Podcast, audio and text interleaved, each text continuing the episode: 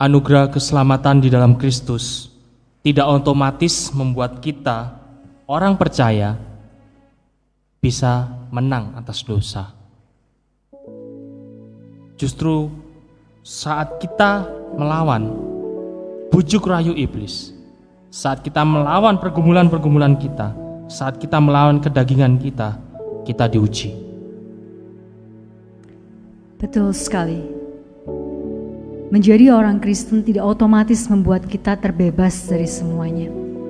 Namun yang menjadi satu perbedaan adalah di dalam setiap pergumulan kita, kita melaluinya bersama dengan Kristus. Yes. Hanya di dalam Tuhan kita menemukan jawaban yang sejati. Bersama dengan Dia melewati badai hidup, kita pasti menang. Kita memerlukan pertolongan tangan Tuhan. Kita tidak mampu berjalan sendiri. Kami memerlukan Engkau, Tuhan.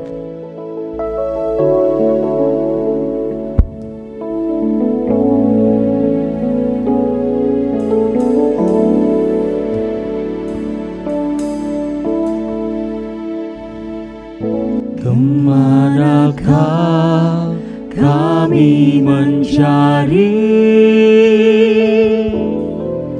kasih sejati. Ke manakah kami berseru? Saat badai datang menderu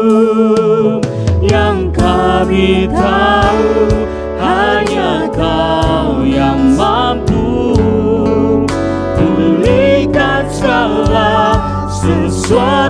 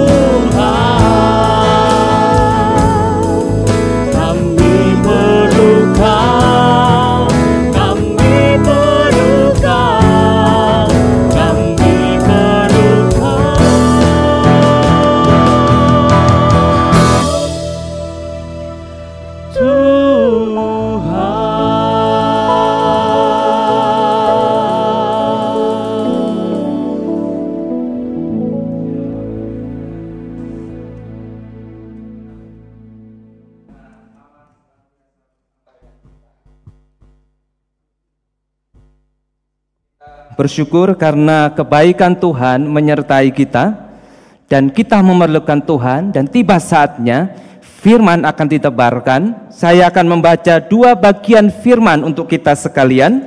Pertama dari 1 Korintus pasal 15 ayat 55 sampai 58 untuk kita sekalian. Hai maut, di manakah kemenanganmu? Hai maut, di manakah sengatmu? Sengat maut ialah dosa, dan kuasa dosa ialah hukum Taurat. Tetapi syukur kepada Allah yang telah memberikan kepada kita kemenangan oleh Yesus Kristus Tuhan kita.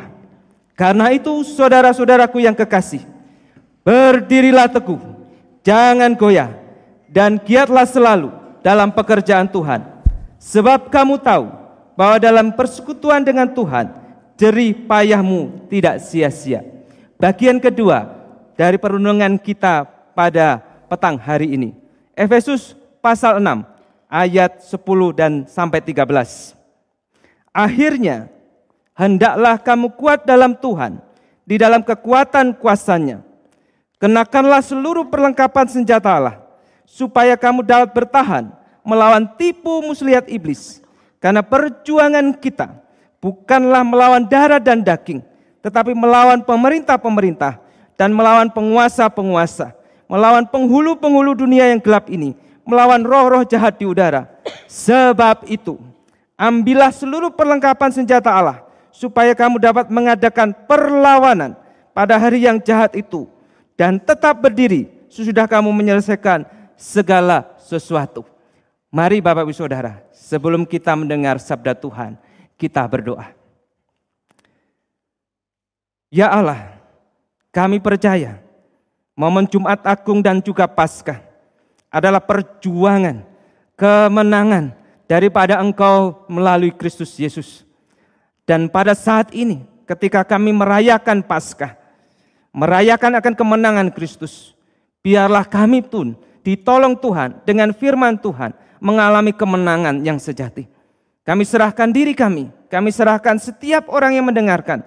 Kiranya Allah Roh Kudus bekerja dalam hati kami dan memberikan kepada kami sukacita dan kemenangan dari surga. Demi Kristus Yesus. Amin. Shalom. Shalom Bapak Ibu yang di gereja maupun yang ada di rumah kita masing-masing.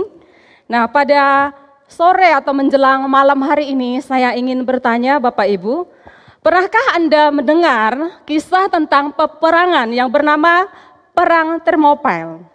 Nah, saya katakan Bapak Ibu, perang ini bercerita tentang kisah perang yang heroik dan juga saya sebutkan sebagai misi bunuh diri. Mengapa demikian?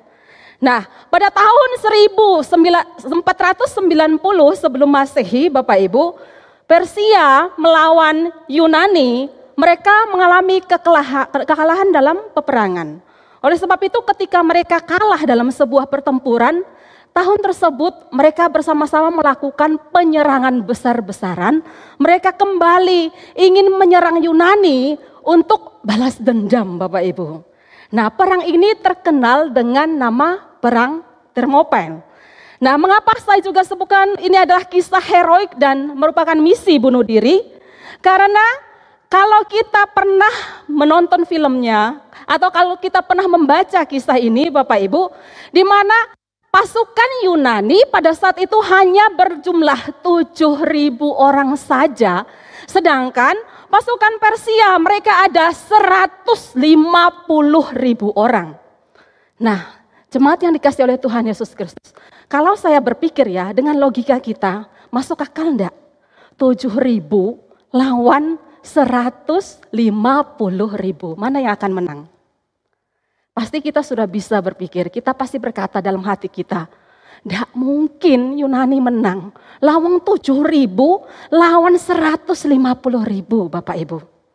Nah jemaat yang dikasih oleh Tuhan Yesus Kristus, Ketika Persia menyerang, dia mengerahkan seluruh pasukan sebanyak 150 ribu orang ini. Yunani tahu bahwa pasukan mereka pada saat itu sudah terkepung. Mereka sadar bahwa jumlah mereka kalah telak Bapak Ibu. Karena 7 ribu berbanding 150 ribu. Ketika mereka berperang, ketika mereka bertempur, tidak mungkin mereka bisa menang. Kalau mereka maju, itu berarti sama saja orang-orang yang ada pada saat itu, pasukan yang ada pada saat itu, mereka bunuh diri ya.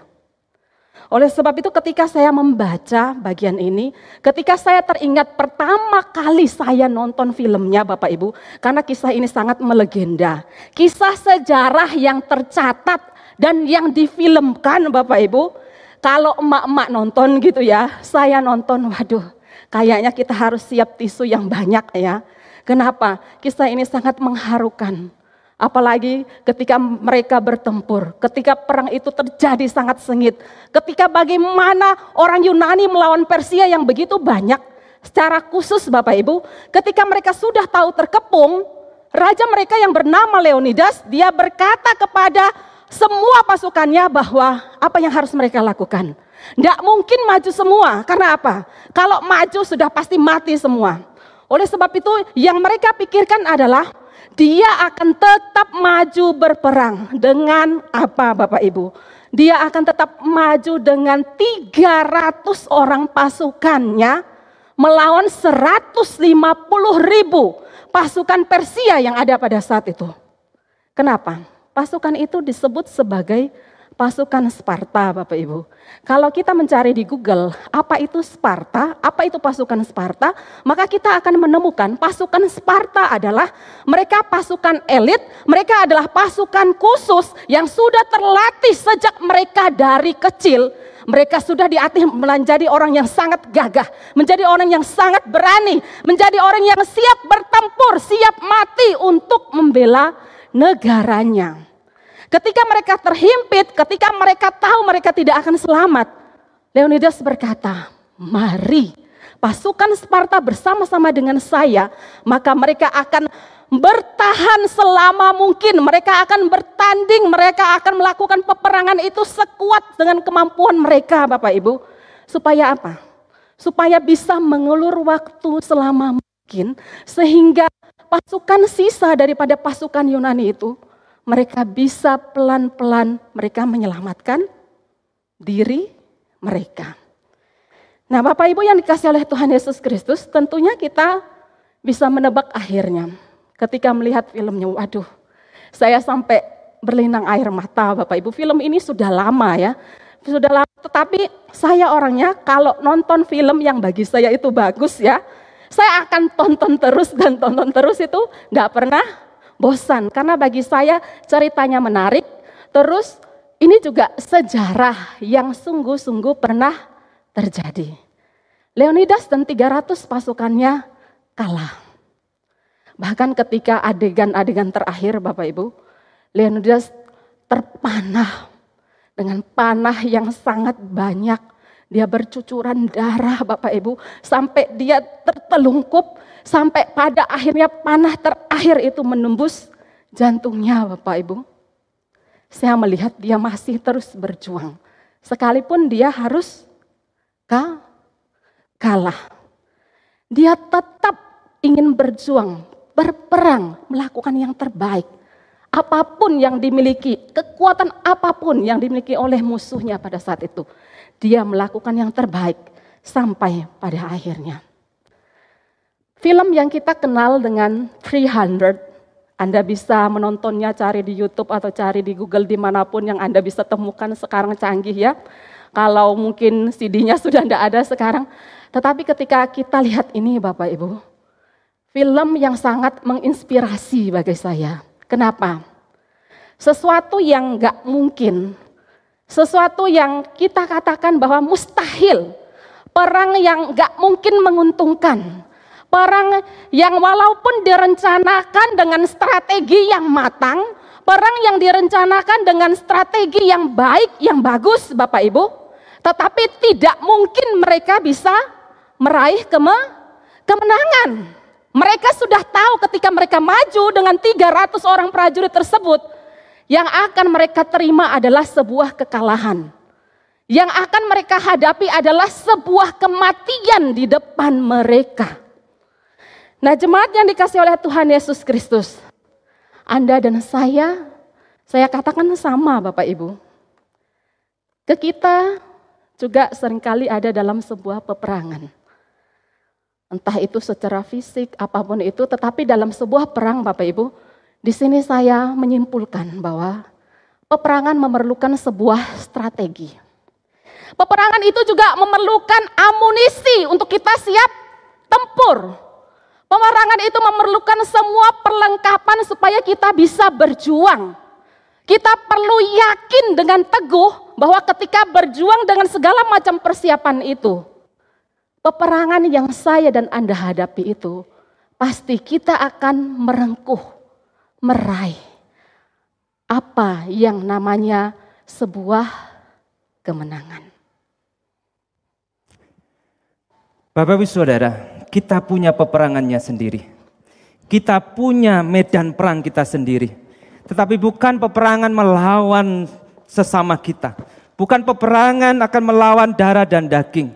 Nah Bapak Ibu Saudara yang terkasih di dalam Tuhan, Efesus pasal 2, pasal 6, ayat 11 dan 12 memberitahu kepada kita peperangan yang wajib untuk kita jalani. Peperangan yang sungguh Tuhan sediakan dan sisakan untuk kita lakukan.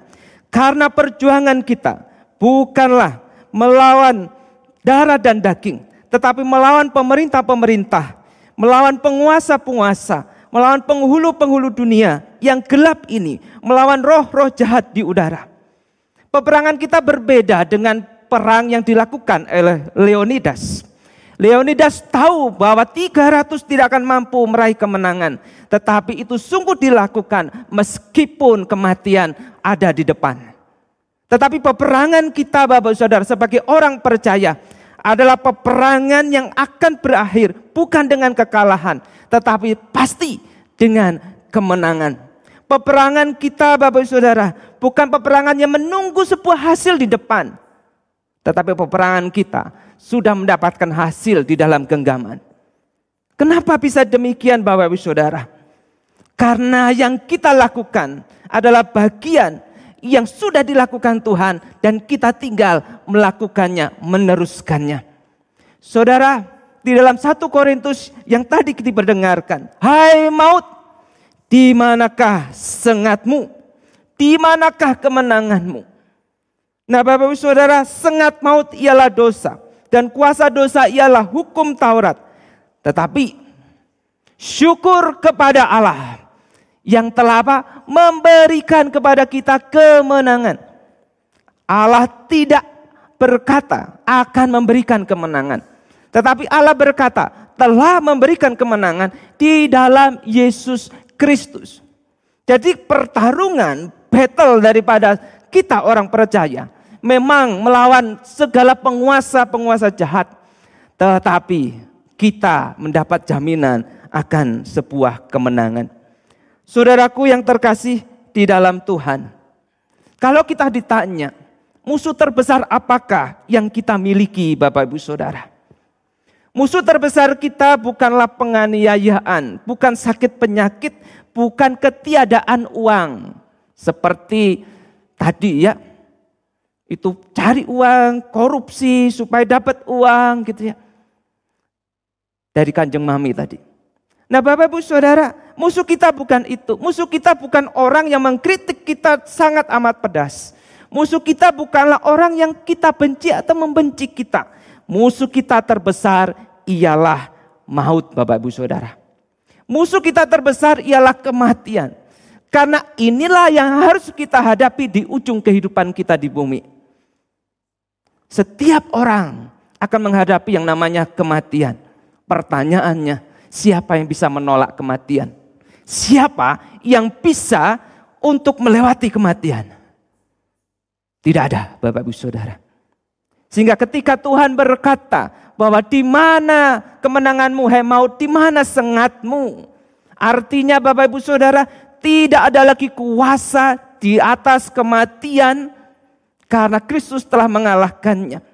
Sengat maut adalah dosa. Artinya dosa itu sudah luntur kuasanya karena apa? Karena Kristus telah menghapuskannya dengan darahnya yang berkuasa. Sehingga setiap orang yang percaya kepada Kristus Bapak Ibu Saudara, dia akan melewati kematian karena dosanya telah dihapuskan dan hidup akan didapatkan. Nah, saudara, kapan Yesus melakukannya? Yesus melakukan pertempuran itu tiga hari tiga malam. Ketika dia mati, lalu dia dikuburkan, turun ke dalam kerajaan maut. Di situlah Allah melakukan pertempurannya untuk kita. Dan kebangkitannya adalah bukti bahwa dia menang melalui semua alam maut dan kematian. Harus kita sadari Bapak Saudara, he did our battle and win. Sesungguhnya dia mengerjakan peperangan yang harusnya menjadi milik kita dan menjadi kewajiban kita. Peperangan untuk mengakhiri kuasa dosa, peperangan untuk melewati akan dosa, itu peperangan kita. Tetapi Tuhan melakukannya untuk kita dan puji Tuhan. Dia menang. Nah, kalau Tuhan melakukan peperangan yang tertinggi, yaitu mengalahkan kematian, mengalahkan yang namanya dosa, apa yang harus kita lakukan, Bapak Ibu Saudara? 1 Korintus 15:58 berbicara dan memberitahukan kepada kita Bapak Ibu Saudara. Karena itu, karena Kristus telah memberikan kita kemenangan, berdirilah teguh, jangan goyah dan giatlah selalu di dalam pekerjaan Tuhan. Peperangan yang kita lakukan adalah ketika kita bisa tetap berdiri di dalam kebenaran. Ketika segala sesuatu di sekitar kita tidak benar. Nah saudara, menjadi kesulitan bagi kita ketika kita ada di sekitar lingkungan yang tidak benar, yang najis, dan kita harus tetap berdiri teguh di dalam kebenaran. Tetapi Rasul Paulus berkata, sebab Injil itu adalah kekuatan Allah yang menyelamatkan. Jadi barang siapa berdiri di atas Injil, teguh di dalam Injil dan kebenaran, dia akan diselamatkan oleh Tuhan. Ternyata tidak semudah yang diomongkan. Karena musuh di depan itu luar biasa. Meskipun tidak bisa, tidak pasti bisa kita kalahkan. Nah saudara ada tiga musuh orang percaya yang harus kita hadapi. Yang pertama adalah sistem dunia ini keduniawian di mana dunia menawarkan akan kemewahan, dunia menawarkan akan kesenangan yang itu tidak sesuai dengan firman Tuhan. Apakah kita akan tergoda, terbawa arus dunia atau tetap di jalan Tuhan? Yang kedua adalah kedagingan kita, hawa nafsu kita. Roh kita sudah diselamatkan dan milik Tuhan. Tetapi daging kita yang masih hidup di dalam dunia ini tercemari di dalam kuasa-kuasa dosa. Kita harus membersihkannya dan kita harus berjuang. Meskipun kita sudah menjadi orang percaya. Yang ketiga Bapak Saudara, yang menjadi sutradara, yang sering kali memakai kuasa akan keduniawian, kuasa kedagingan itu. Iblis Bapak Saudara adalah aktor utama di balik semua hal. Iblis sering kali memakai akan kemewahan dunia untuk menjatuhkan iman kita. Iblis sering kali memakai kelemahan akan keinginan kita, kedagingan kita, hawa nafsu kita untuk menjatuhkan iman kita. Seperti gambaran fragmen tadi, Bapak Saudara. Iblis ada setiap saat untuk menjatuhkan engkau dan saya. Setiap saat di mana pun engkau berada. Dia akan selalu berbicara tanpa engkau sadari keberadaannya, tetapi itu terdengar di hati nurani saudara. Saudaraku yang terkasih di dalam Tuhan, jikalau sedemikian musuh kita ini, kita tidak melihat musuh itu secara kasat mata, tetapi dia merongrong kita dari banyak sisi dan banyak sudut Bapak Ibu Saudara. Seringkali kita goyah, sering kali kita terpucuk rayu di sana. Meskipun kita mengetahui kebenaran, Parahnya, setiap orang, tidak semua orang bisa mengetahui kebenaran tetapi memegangnya juga dengan erat. Orang bisa tahu kebenaran, tetapi tidak semua orang bisa memegang kebenaran itu. Perlu kita ketahui kebenaran bukan hanya sesuatu yang kita tahu, tetapi sesuatu yang harus kita pegang teguh seumur hidup kita. Kebenaran itu adalah firman Tuhan. Kebenaran itu adalah pasti terjadi sesuai petunjuk Tuhan. Nah saudaraku yang terkasih di dalam Tuhan, berbicara tentang kebenaran Bapak Ibu Saudara. Iblis itu adalah profesional di dalam memutarbalikkan kebenaran. Tidak hanya orang-orang dalam bisnis yang profesional, iblis dalam bisnisnya menjatuhkan kita, itu profesional kok. Ketika profesional dia akan memakai segala cara merasionalisasi ketidakbenaran menjadi benar. Sehingga kita bernalar itu benar. Kisah Adam dan Hawa jatuh adalah profesionalitas dari iblis. Kalau iblis sedemikian profesionalitas, parahnya orang percaya tidak menjadi orang percaya yang profesionalitas. Kalau iblis totalitas untuk menjatuhkan kita, parahnya kita tidak totalitas untuk menguatkan iman kita. Kebenaran itu penting.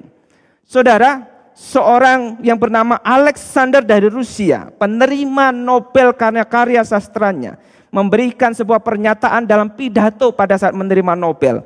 Dia menyatakan begini, saya translate ya.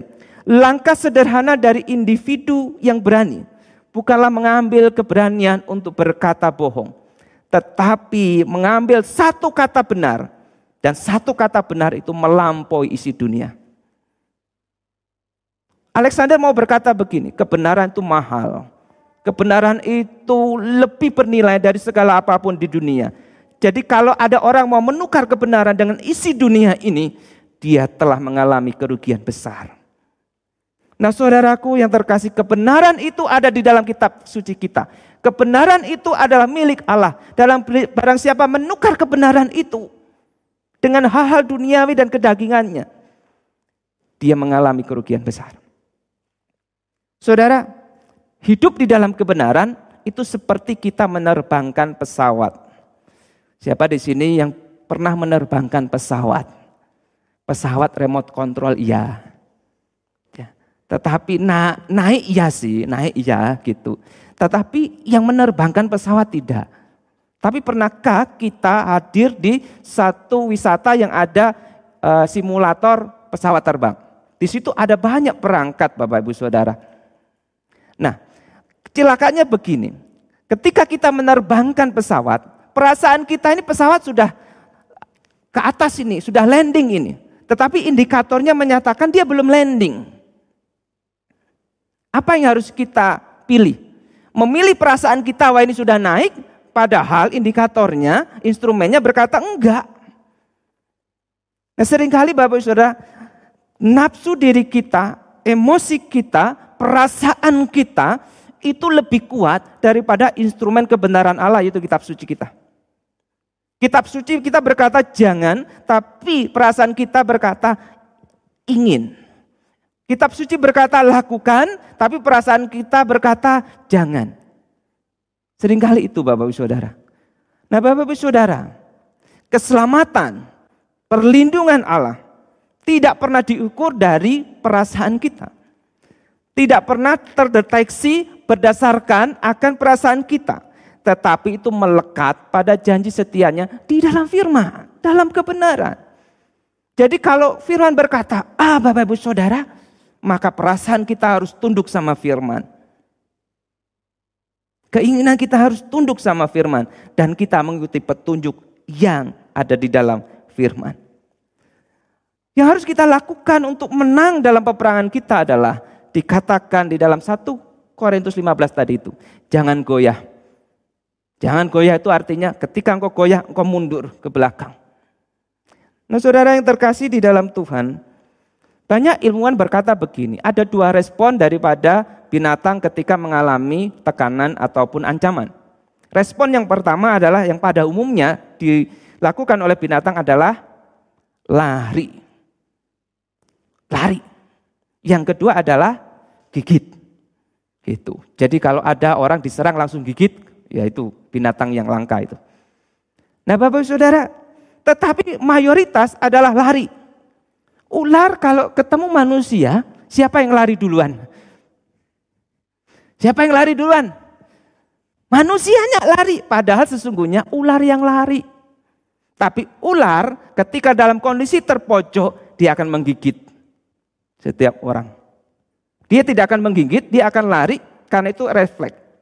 Cilakanya manusia sering kali berespon terhadap tantangan, terhadap godaan adalah lari. Ada bencong, lari. Itu betul sih.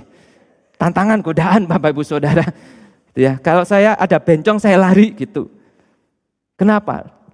Itu lebih mengerikan daripada orang yang gagah besar dan berewokan gitu ya. Nah Bapak Ibu Saudara, kebanyakan di antara kita lari ketika ada pertikaian. Kadang-kala kita lari ketika ada ketidaknyamanan.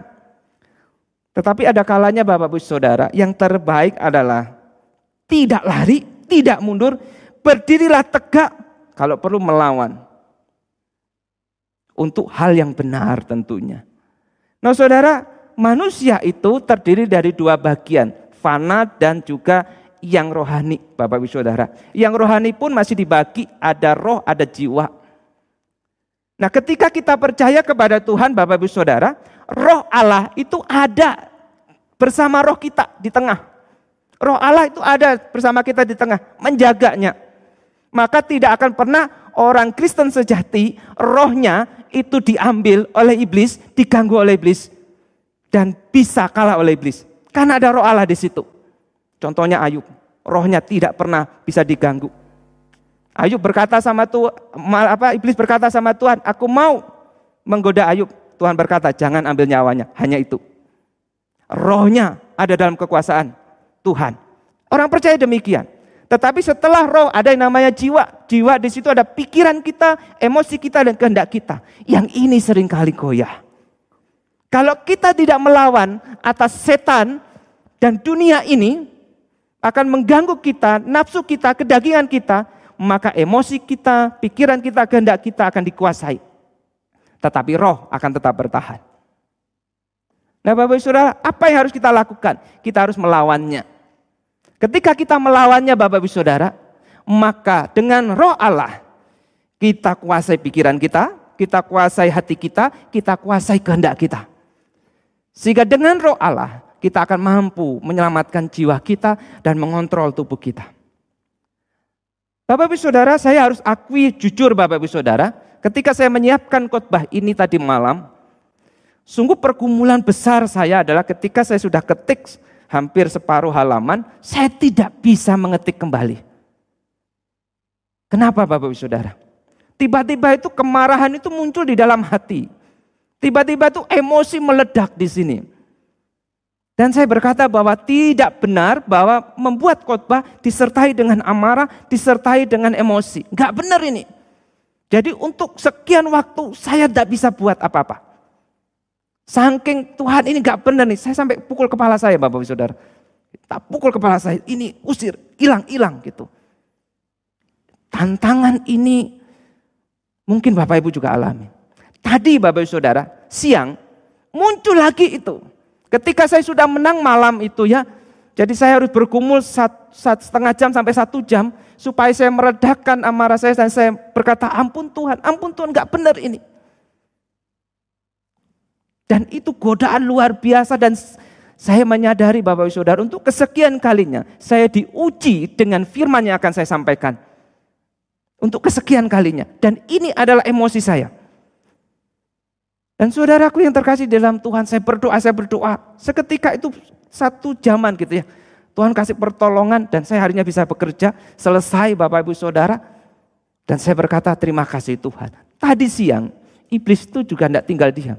Muncul lagi Bapak Ibu Saudara. Ada godaan lagi. Yang sesungguhnya saya sudah terima dan saya berkata Tuhan ampuni saya. Ampuni orang itu.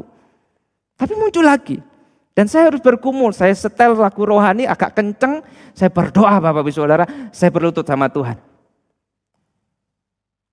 Dan saya berkata Tuhan, tidak benar kayak gini Tuhan. Ini setan. Tuhan tolong.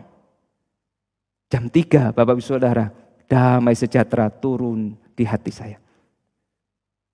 Turun di hati saya.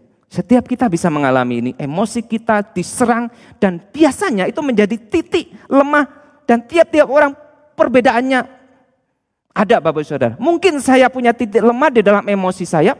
Mungkin ada orang yang titik lemah dalam rasionalitasnya. Mungkin ada yang ceroboh di dalam tindakannya. Dan hati-hati Bapak Saudara. Setan bisa mengambil celah itu. Seperti celah dari termopile tadi itu. Nah Bapak Ibu yang terkasih di dalam Tuhan. Apa yang harus kita lakukan di sini? Pilihan kita adalah mundur atau melawan.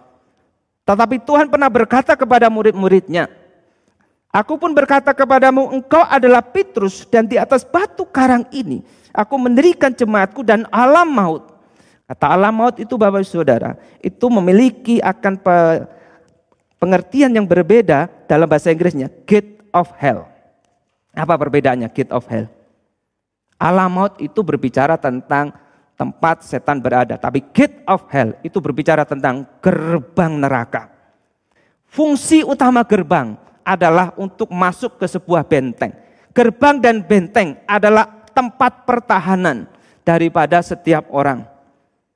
Artinya bahwa Allah begini, untuk urusan gerejaku, umatku, kebenaranku, jangan lari. Karena iblis sedang bersembunyi di pintu gerbangnya karena kebenaranku akan menyerangnya. Seringkali kita ketakutan dan lari.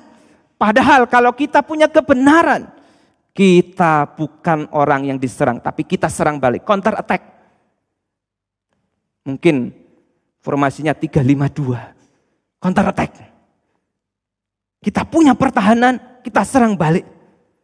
Untuk urusan kebenaran, jangan pernah mundur. Karena iblis sedang bertahan atas setiap serangan kita. Efesus pasal 6 Bapak berbicara tentang kelengkapan senjata Allah. Kelengkapan senjata Allah itu ada dua. Satu perlindungan diri kita berupa kebenaran, keadilan, dan perisai iman. Yang kedua adalah serangan kita, pemberitaan Injil dan juga pedang roh yaitu firman Tuhan. Sehingga dikatakan engkau tidak hanya bertahan, adakan perlawanan. Adakan perlawanan itu. Contoh sederhananya begini Bapak Ibu Saudara. Jikalau di antara saudara ada berpikir bahwa aku kok nggak ngerasa Allah itu hadir bersamaku ya. Doaku kering ya. Lawan itu. Karena itu suara yang dipakai oleh iblis untuk membuat kita jauh daripada Tuhan. Lawan adalah begini. Firman Tuhan itu bahwa aku senantiasa menyertaimu. Matius 28. Artinya kita ngerasa nggak ngerasa Allah tetap berserta dengan kita. Lawan itu. Aku kok nggak ngerasa setelah minta ampun kok ngerasanya nggak diampuni ya dosaku besar banget. Lawan itu. Karena itu suara iblis. Suara akan kelemahan kedagingan kita. Lawan dengan gimana? Allah itu setia dan adil. Barang siapa mengaku dosa, dia akan ampuni. Dia akan ampuni. Darah Kristus cukup untuk pengampunan dosa-dosa kita. Lawan itu. Aku kok takut mati ya? Masuk surga enggak ya? Lawan itu. Masuk surganya kita bukan karena perasaan kita. Tetapi karena janji Allah di dalam Kristus yang pasti digenapi dan ditepati. Karena aku kok cemas ya? Aku kok bingung ya? Ingatlah firman Tuhan. Segala perkara dapat kutanggung di dalam dia. Itulah pedang roh untuk melakukan counter attack Bapak Ibu Saudara. Dan iblis pasti tunggang langgang karena itu firman Tuhan.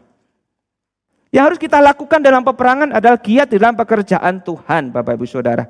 Bagian ketiga. Berbicara tentang giat dalam pekerjaan Tuhan bukan berarti bahwa setiap orang Tuhan sudah mengerjakannya lalu kita berleha-leha sekali selamat tetap selamat maka besok aku berbuat dosa besok aku tidak pelayanan enggak apa-apa enggak Giat di dalam pekerjaan Tuhan adalah ketika kita tahu Allah mencintai kita, kita sedang melayani Dia yang begitu mencintai kita. Cinta Allah kuat Bapak Ibu Saudara untuk menolong kita, untuk membawa kita melayani Dia. Pertanyaan yang serius buat setiap kita adalah seberapa giat kita melakukan pekerjaan Tuhan atau seberapa giat kita melakukan pekerjaan dunia. Saudara yang terkasih di dalam Tuhan, kuasa cinta Allah mampu meluluhkan apa saja. Dengan cinta Allah, engkau mampu mengampuni orang. Dengan cinta Allah, engkau mampu melakukan pekerjaan meskipun pekerjaan itu tidak disukai oleh banyak orang. Dengan cinta kepada Kristus, Bapak Saudara, engkau mampu melayani meskipun kritik tidak pernah berhenti. Dengan cinta Allah kamu mampu untuk menerima kekurangan orang lain. Dengan cinta Allah engkau mampu untuk melawan segala godaan demi godaan. Demi cinta lautanku seberangi. Katanya lagu Bapak Ibu Saudara. Saya enggak, enggak bisa, saya enggak bisa berenang. Saya enggak akan seberangi demi cinta Bapak Ibu Saudara. Nah Bapak Ibu Saudara, tapi demi cinta engkau bisa lakukan apa saja. Apa saja yang Tuhan mau. 1 Yohanes pasal 5 ayat 4 sampai 5 berkata, cinta kepada Allah itu akan menolong kita untuk melawan keduniawian. Artinya begini, hidupmu setelah diselamatkan, engkau lebih cinta Allah atau cinta dunia? Kalau engkau cinta Allah, dunia tidak akan mampu untuk menggugurkan imanmu. Tapi kalau kemudian engkau jadi 50-50, duit yo enak Tuhan, gereja yo perlu sih, Proyek minggu sih. Tapi sing khotbah Pak Handoko sih. Gimana ini Tuhan? Gimana ini Tuhan? 50-50. Lalu kemudian, wis gak apa-apa. Pak Handoko khotbah lagi dua minggu lagi. Keduniawan, keduniawian yang dipilih. Uang didapat, kok enak ya? Kok enak ya? Minggu depan diulangi lagi. Hati-hati. Ketika kuasa cinta Allah mulai turun Bapak Ibu Saudara. Tapi kalau engkau cinta Allah, engkau akan berkata, aku memilih engkau Tuhan. Engkau harus memilih Tuhanmu maman atau aku, kata Tuhan. Itu ada perbandingan, kau cinta Tuhan atau cinta akan dunia ini. Saudaraku yang terkasih di dalam Tuhan. Ayat ini berbicara Bapak Saudara. Di dalam ayat yang ke-58. Sebab kamu tahu bahwa dalam persekutuan dengan Tuhan. Apa akar dari kata persekutuan? Jangan berkata sekutu ya. Persekutuan bersekutu, sekutu. Sekutu apa akarnya? Gak ada Bapak Saudara. Sekutu bukan berarti ada kata kutu, enggak. Persekutuan artinya kita ada di pihaknya Tuhan. Persekutuan artinya kita sedang menjalin kerjasama sama Tuhan. Persekutuan adalah kita bersatu dengan Tuhan. Ketika kita bersatu dengan Tuhan, Roma berkata buat kita Bapak Saudara, jika Tuhan berada di pihak kita, bersekutu dengan kita, siapa yang bisa melawan kita? Siapa? Gak ada. Sebab kamu tahu bahwa dalam persekutuan, kebersamaan, keindahan, engkau di dalam Tuhan, Tuhan di dalam engkau, segala pekerjaan, setiap hari engkau bersama dengan Tuhan. Lalu adakah yang bisa melawan Tuhan? Yang terus bersamamu, Immanuel itu. Tidak ada. Sehingga dikatakan jerih payahmu, usahamu untuk hidup benar, usahamu untuk melawan kedagingan, usahamu untuk melawan keduniawian, usahamu melawan iblis. Tidak pernah sia-sia. Artinya pasti menang. Jaminan pasti, bukan jaminan mutu. Nah Bapak Ibu Saudara yang terkasih di dalam Tuhan penting untuk kita alami ini. Saudara, kita telah mengetahui bahwa Allah telah menjamin kemenangan kita. Kita telah mengetahui sekarang bahwa dalam kuasa darah Kristus ada kemenangan yang pasti. Selanjutnya apa saudara? Apa yang harus engkau lakukan? Pikirkan. Bapak Ibu Saudara, kita telah mengetahui bahwa Allah telah memberikan jaminan kemenangan untuk setiap kita. Orang-orang percaya diberikan jaminan keselamatan, bukan di akhir tetapi di awal. Selanjutnya kita sebagai orang percaya kita harus buat apa? Diam saja, berhenti. Kita harus buat apa? Bapak Ibu Saudara yang terkasih dalam Tuhan, inilah kebenaran akan kemenangan orang percaya. Dan di hari ini, di hari Paskah ini, orang percaya diberikan kemenangan yang real, bukan yang main-main. Bapak Ibu Saudara yang terkasih di dalam Tuhan. Ketika kita sudah diberikan kemenangan itu, Saudara hanya perlu percaya kepada Yesus. Tidak disuruh melakukan pekerjaan apa pun, cukup dengan percaya. Dan jika saudara melakukan itu, yakinlah dosa Bapak Ibu Saudara telah diampuni. Dosa sekarang yang dulu dan yang akan datang, dia mengampuninya. Jadi jangan takut akan hal itu percaya kepada Yesus. Ya, kapan? Sekarang. Siapa? Anda dan saya. Bapak, ibu, saudara, dan saya. Yang ada di rumah maupun yang ada di gereja. Bapak, ibu, saudara yang terkasih dalam Tuhan, tetapi kita harus ingat. Kita orang percaya masih hidup di dunia ini. Kita harus ingat itu. Kita orang percaya juga harus tahu bahwa ada peperangan yang wajib kita harus perjuangkan. Yaitu peperangan apa Bapak Ibu Saudara? Peperangan yang wajib kita lakukan itu adalah pertama, peperangan melawan hawa nafsu kita, kedagingan kita, iblis yang selalu ada di sekitar kita. Bapak Ibu Saudara yang terkasih di dalam Tuhan. Lawan kita itu tidak kelihatan. Lawan kita itu darah dan daging. Kita tidak tahu kapan dia akan menyerang. Tetapi kita harus selalu siap sedia. Oleh karena itu Bapak Ibu Saudara yang terkasih di dalam Tuhan. Kita harus siap untuk berperang kapan pun. Peperangan suci ini membutuhkan keberanian Bapak Ibu Saudara dan saya. Dan bukan main-main. Ketika kita dipanggil menjadi orang percaya, diberikan anugerah itu, kita bukan disuruh untuk leha-leha. Enak-enakan aja. Tidak. Tetapi ada peperangan yang wajib kita lakukan yaitu peperangan suci itu. Bapak ibu saudara yang terkasih di dalam Tuhan. Tetapi coba mari kita mengevaluasi. Ketika kita sudah, sudah sejauh ini. Pertama kali kita percaya kepada Yesus, kita mari kita evaluasi diri. Apa yang sudah kita lakukan? Apa yang sudah kita buat untuk Tuhan? Apa yang kita lakukan selama hidup itu, hidup ini? Apa yang kita lakukan Bapak Ibu Saudara? Coba mari kita bercermin. Mari kita lihat. Apakah kita sadar setiap hari iblis itu terus berupaya menjatuhkan iman kita Bapak Ibu Saudara. Sadar, bangun. Iblis selalu mengintip, mencari celah untuk menjatuhkan kita. Dan kita harus betul-betul sadar itu. Apakah kita selama ini biasa-biasa saja dan kita tidak melakukan persediaan atau persiapan yang maksimal? Bapak Ibu Saudara, godaan nafsu kedagingan apa yang telah menjadi tema yang berulang dalam kejatuhan saudara dan saya. Coba mari kita evaluasi itu. Apa yang selalu kita lakukan, lakukan dan terus menerus kita lakukan. Kita jatuh di lubang yang sama, kita jatuh di lubang yang sama. Coba kita evaluasi itu. Kebiasaan apa yang harus saudara dan saya ubah agar berhenti menyerahkan diri kita kepada hawa nafsu kita. Kebiasaan apa Bapak Ibu Saudara?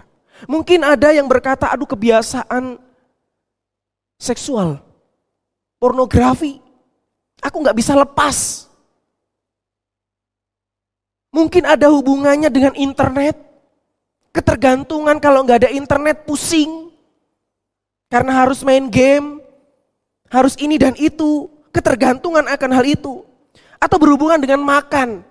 Atau dengan sifat tamak yang menguasai diri kita. Bapak Ibu Saudara yang terkasih dalam Tuhan, mari kita evaluasi. Bapak Ibu Saudara yang terkasih di dalam Tuhan, mari kita lakukan evaluasi diri kita. Apakah kita sudah betul-betul melakukan itu? Betul-betul mengevaluasi diri kita. Evaluasi tugas kita, pelayanan kita. Mari kita evaluasi itu. Apakah kita sudah melakukan yang terbaik untuk Tuhan? Sudahkah kita melakukan kegiat untuk melayani Tuhan? Adakah kemarahan, kebencian yang masih menguasai diri kita? Untuk apa saya hidup setelah mengenal Yesus Bapak Ibu Saudara? Untuk apa? Untuk terus jatuh kepada dosa-dosa yang lama itu? Atau untuk kita terus berjuang untuk mengalahkan segala hal yang menjadi musuh kita, yaitu hawa nafsu, kedagingan, dan iblis itu. Bapak Ibu Saudara yang terkasih di dalam Tuhan, jika kita banyak jatuh di dalam diri kita, sadar Bapak Ibu Saudara, kita tidak sendiri bahwa ada Allah. Gunanya kita saat teduh, kita baca, firman, untuk kita kuat di situ. Tapi apa kabarnya dengan saat teduh kita, doa kita? Apa kabarnya dengan hal itu? Tahun ini mungkin kita sudah lalai. Mungkin kita jauh karena kita berfokus pada pergumulan kita. Bapak Ibu Saudara yang terkasih, jika kita banyak jatuh dan kalah, itu bukan akhir. Itu bukan kekalahan Kristus. Bukan. Itu bukan akhir dari segalanya. Aku jatuh, aku kalah. Enggak. Itu ketidakmampuan kita Bapak Ibu Saudara. Kita berdiri teguh dan dalam kebenaran Allah itu kita akan menang. Itu ketidakmampuan kita untuk menyerang kembali musuh kita. Dengan kuasa Kristus dan firmannya kita mampu mengalahkannya. Ketika kita jatuh, itu bukan karena kita terlalu giat untuk urusan kita sendiri. Bapak Ibu Saudara yang terkasih dalam Tuhan, mari hari ini ketika kita sudah tahu bahwa Yesus memberikan kemenangan itu, saya mau mengajak kita menundukkan kepala. Saya mengajak semuanya yang ada di rumah maupun yang ada di gereja, tundukkan kepalamu. Mari kita bangkit kita selesaikan peperangan kita bersama dengan Tuhan, kuasanya. Karena kemenangan kita dijamin olehnya. Dan kuasa Yesus yang hidup memberikan kita jaminan. Mari kita tundukkan kepala kita. Kalau Bapak Ibu Saudara yang merasa tersentuh hatinya hari ini. Merasa bahwa Tuhan aku banyak gagal di tahun ini Aku merasa jatuh dan jatuh. Aku merasa nggak mampu di tahun ini melewatinya. Aku gagal dalam hal kebencian. Ketidakmampuan untuk mengampuni. Ketidakmampuan untuk melawan seksualitas. Aku masih membenci orang tua. Aku masih membenci orang yang menyakiti hati.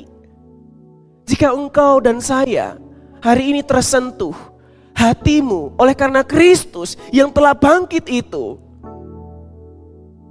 Mari ambil komitmen, bangkit kembali. Bangkit kembali. Berkata kepada Tuhan, Tuhan ampuni. Tuhan kuatkan diriku. Teguhkan hatimu. Dan saya akan berdoa untuk Bapak Ibu Saudara yang mau mengambil komitmen hari ini. Baik ada di ruangan ini maupun yang ada di rumah yang mau mengambil komitmen.